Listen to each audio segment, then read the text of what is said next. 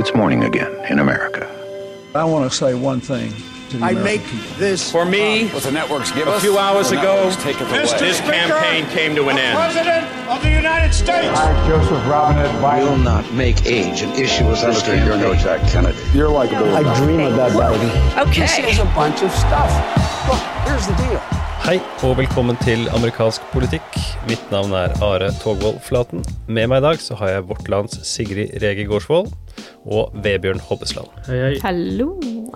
Nå er det ikke lenge igjen til uh, valgdag. Nei, Nå begynner det å nærme seg med stormskritt her, og jeg kjenner det. Det, det er akkurat som julekvelden 17. mai og nyttår samtidig. Så det Det er ikke så veldig mange andre som tenker det om mellomvalgdager, men uh, Det, Nei, det er kanskje meg og eh, dere to. Kanskje noen av de som hører på også. Det, det er jo gøy.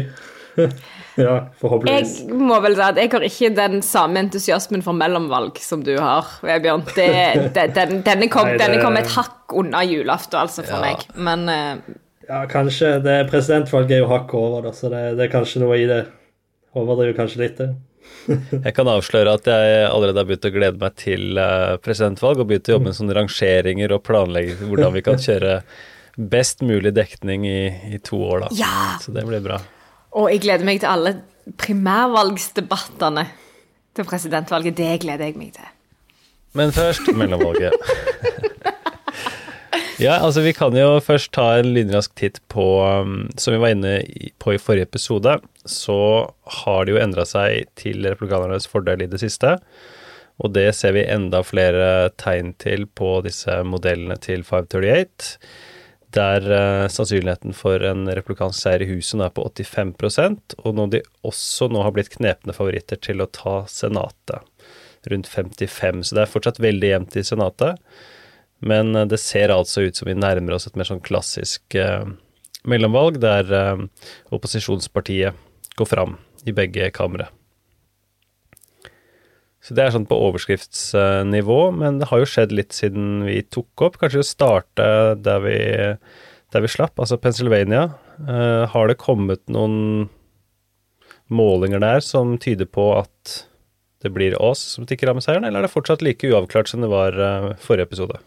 Jeg har jo sett eh, nå rett før vi spiller inn eh, på 538, eh, der ligger det seks målinger som er gjort etter debatten, og der leder oss på fire av de. Så det kan jo gi en slags indikasjon på at kanskje oss ligger best an, men det er veldig jevnt, og det er jo ikke mange prosentene mellom de to heller, så dette det er vanskelig for å fortsette å spå, altså. Det er ganske close, og det som også er interessant, er at en av, de målingene der uh, Fetterman fortsatt ligger foran, er jo på en måling som er gjort av Fox News. Og selv om det ikke det, altså, det, det, Disse tingene henger jo ikke alltid sammen, så viser jo Fox News-målingene ofte en liten fordel til republikanske uh, kandidater. Så det er en mer toss-up-ete toss-up enn Pennsylvania akkurat nå er, er litt vanskelig å se for seg, faktisk, eh, for meg.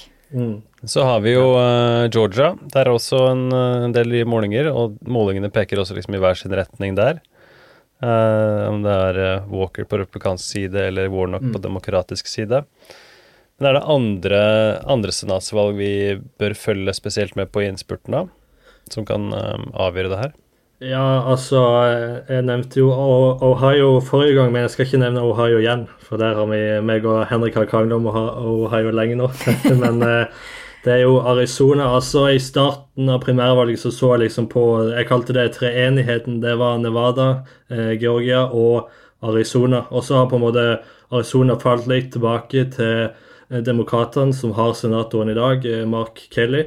Men jeg har sett liksom nå i de siste ukene at eh, på målingene at det går liksom mer mot uh, midten der òg, og kan bli en uh, veldig jevn kamp på slutten. da, Så jeg eh, er litt sånn Skal vi snu Arizona til svakt republikansk? Kanskje et på få dager før valget? Det jeg er ikke helt enig der, og jeg må jo diskutere dette med Henrik og andre òg, men det er noe det følges nøye på, er Arizona. Ja, og Henrik kan ikke være med her. Han stakkars, han er i Florida og dekker, eh, dekker valgkamp.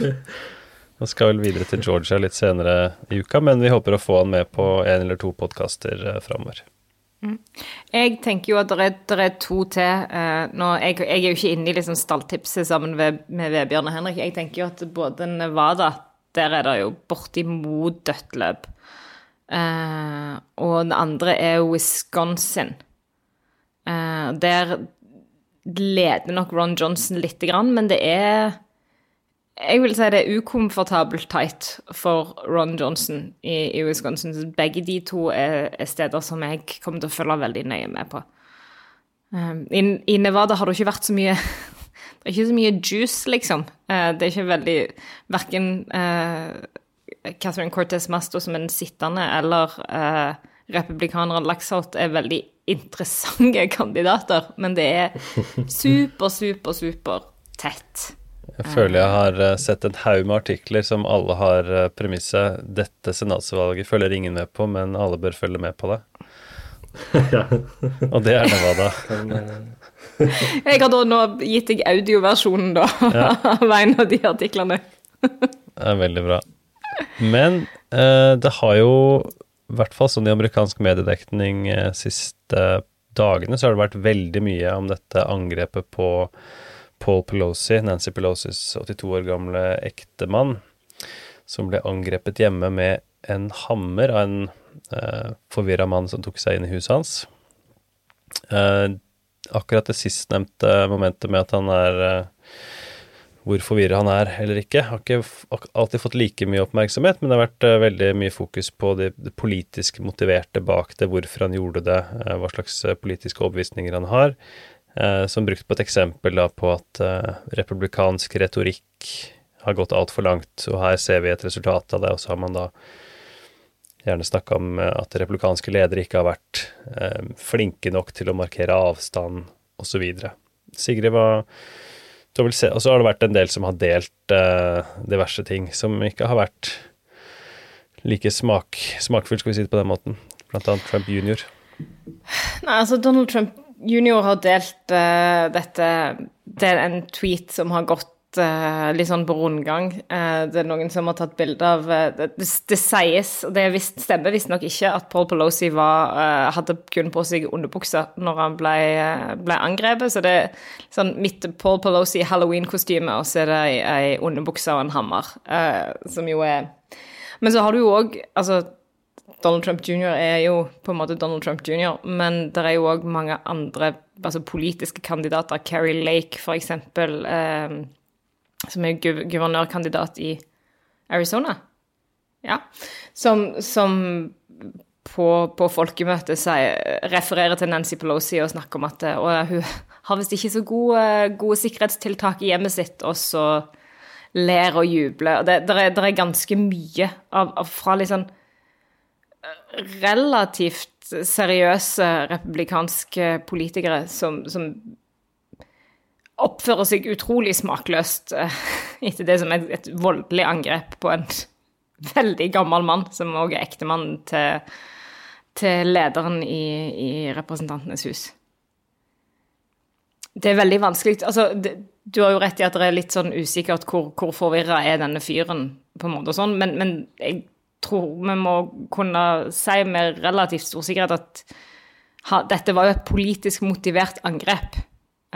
Hvor, altså, uavhengig av hvor frisk eller syk denne mannen var, så er det jo alle sporene han har lagt igjen etter seg på internett, tilsier jo at dette er en mann som iallfall fikserte på en del altså, en del tematikk i skjæringspunktet politikk og konspirasjonsteorier. Eh, og liksom, hvor frisk eller syk han er, så, så er dette politisk motivert på et eller annet vis. Og det er veldig, veldig alvorlig, og det virker ikke som noen i det republikanske partiet egentlig tar inn over seg. Så det har det vært mye um, snakk om i det siste, med rette. Og så er det jo også to sentrale demokratiske um, skikkelser.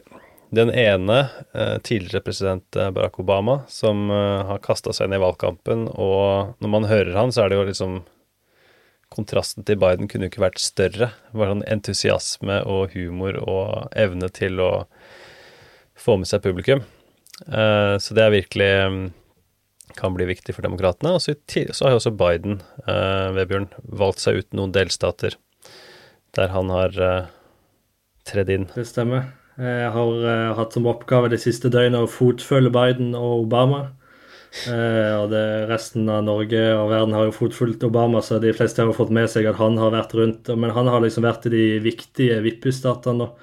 Eh, Michigan, Nevada, Wisconsin, Arizona. Og så ser du at eh, Biden han har vært nede i New Mexico en tur innom California. Skal vel til Maryland skal faktisk til Illinois på fredag. Men det som er interessant, er jo at uh, både han og Obama møtes i Pennsylvania på lørdag. Oi. Og Trump skal òg til Pennsylvania.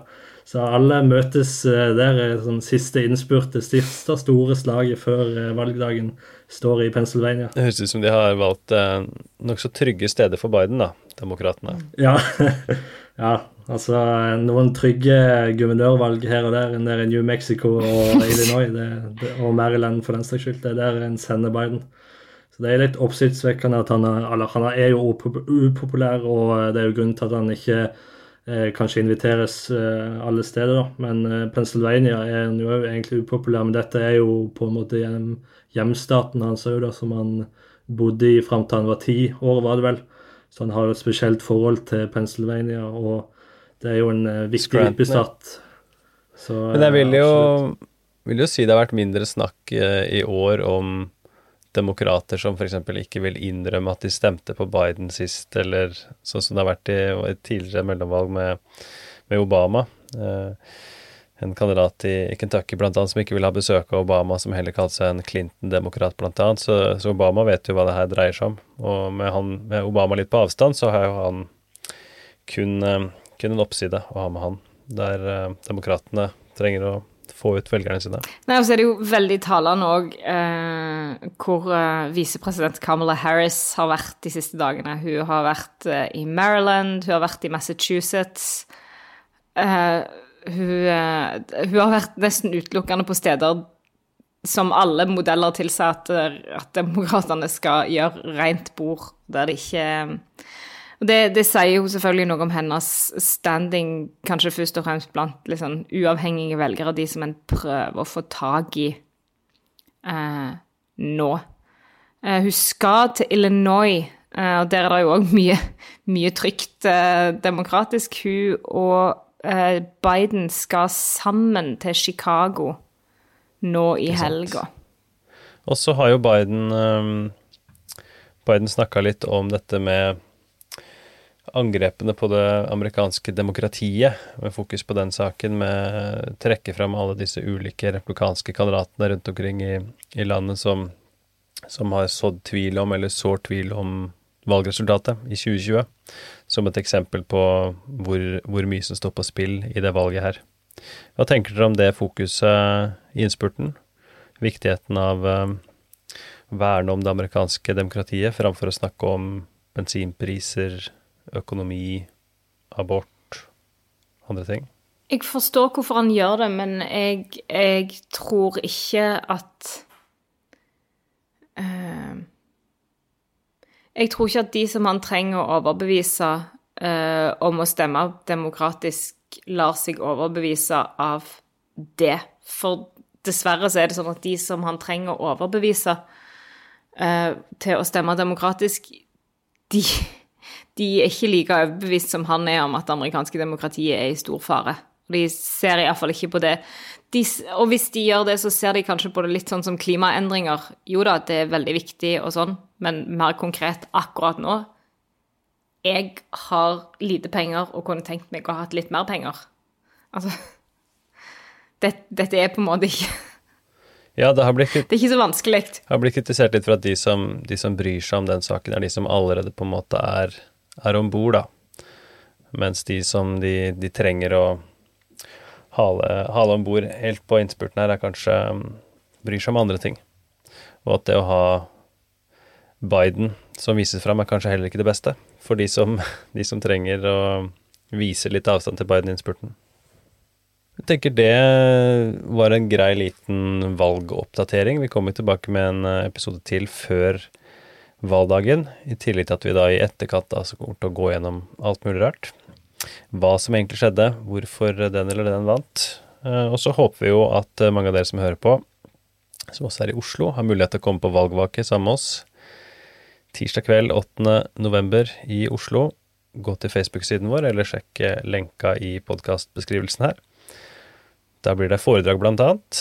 Men vi får ikke med oss Sigrid, da.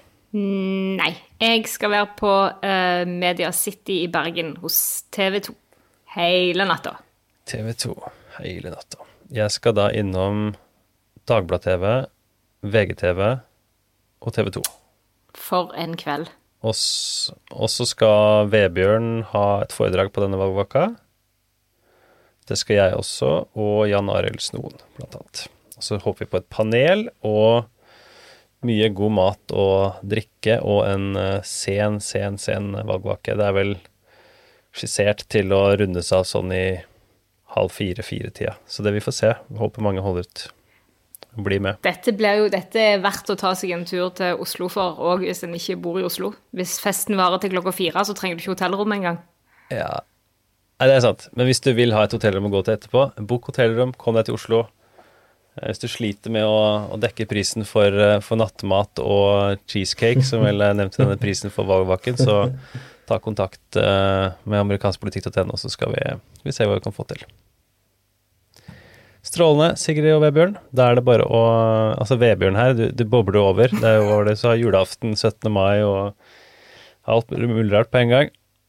Hvordan skal du klare ja, hvordan skal du klare den ventetiden her? Nei, altså, jeg sliter allerede. Men eh, jeg får ta en rolig helg, prøve å tenke på noe annet, og så er det plutselig valgdag. Ja. Høres bra ut. Strålende. Nei, men vi eh, snakkes igjen før valgdagen. Det gjør vi. Det gjør vi. Ha det, ha det.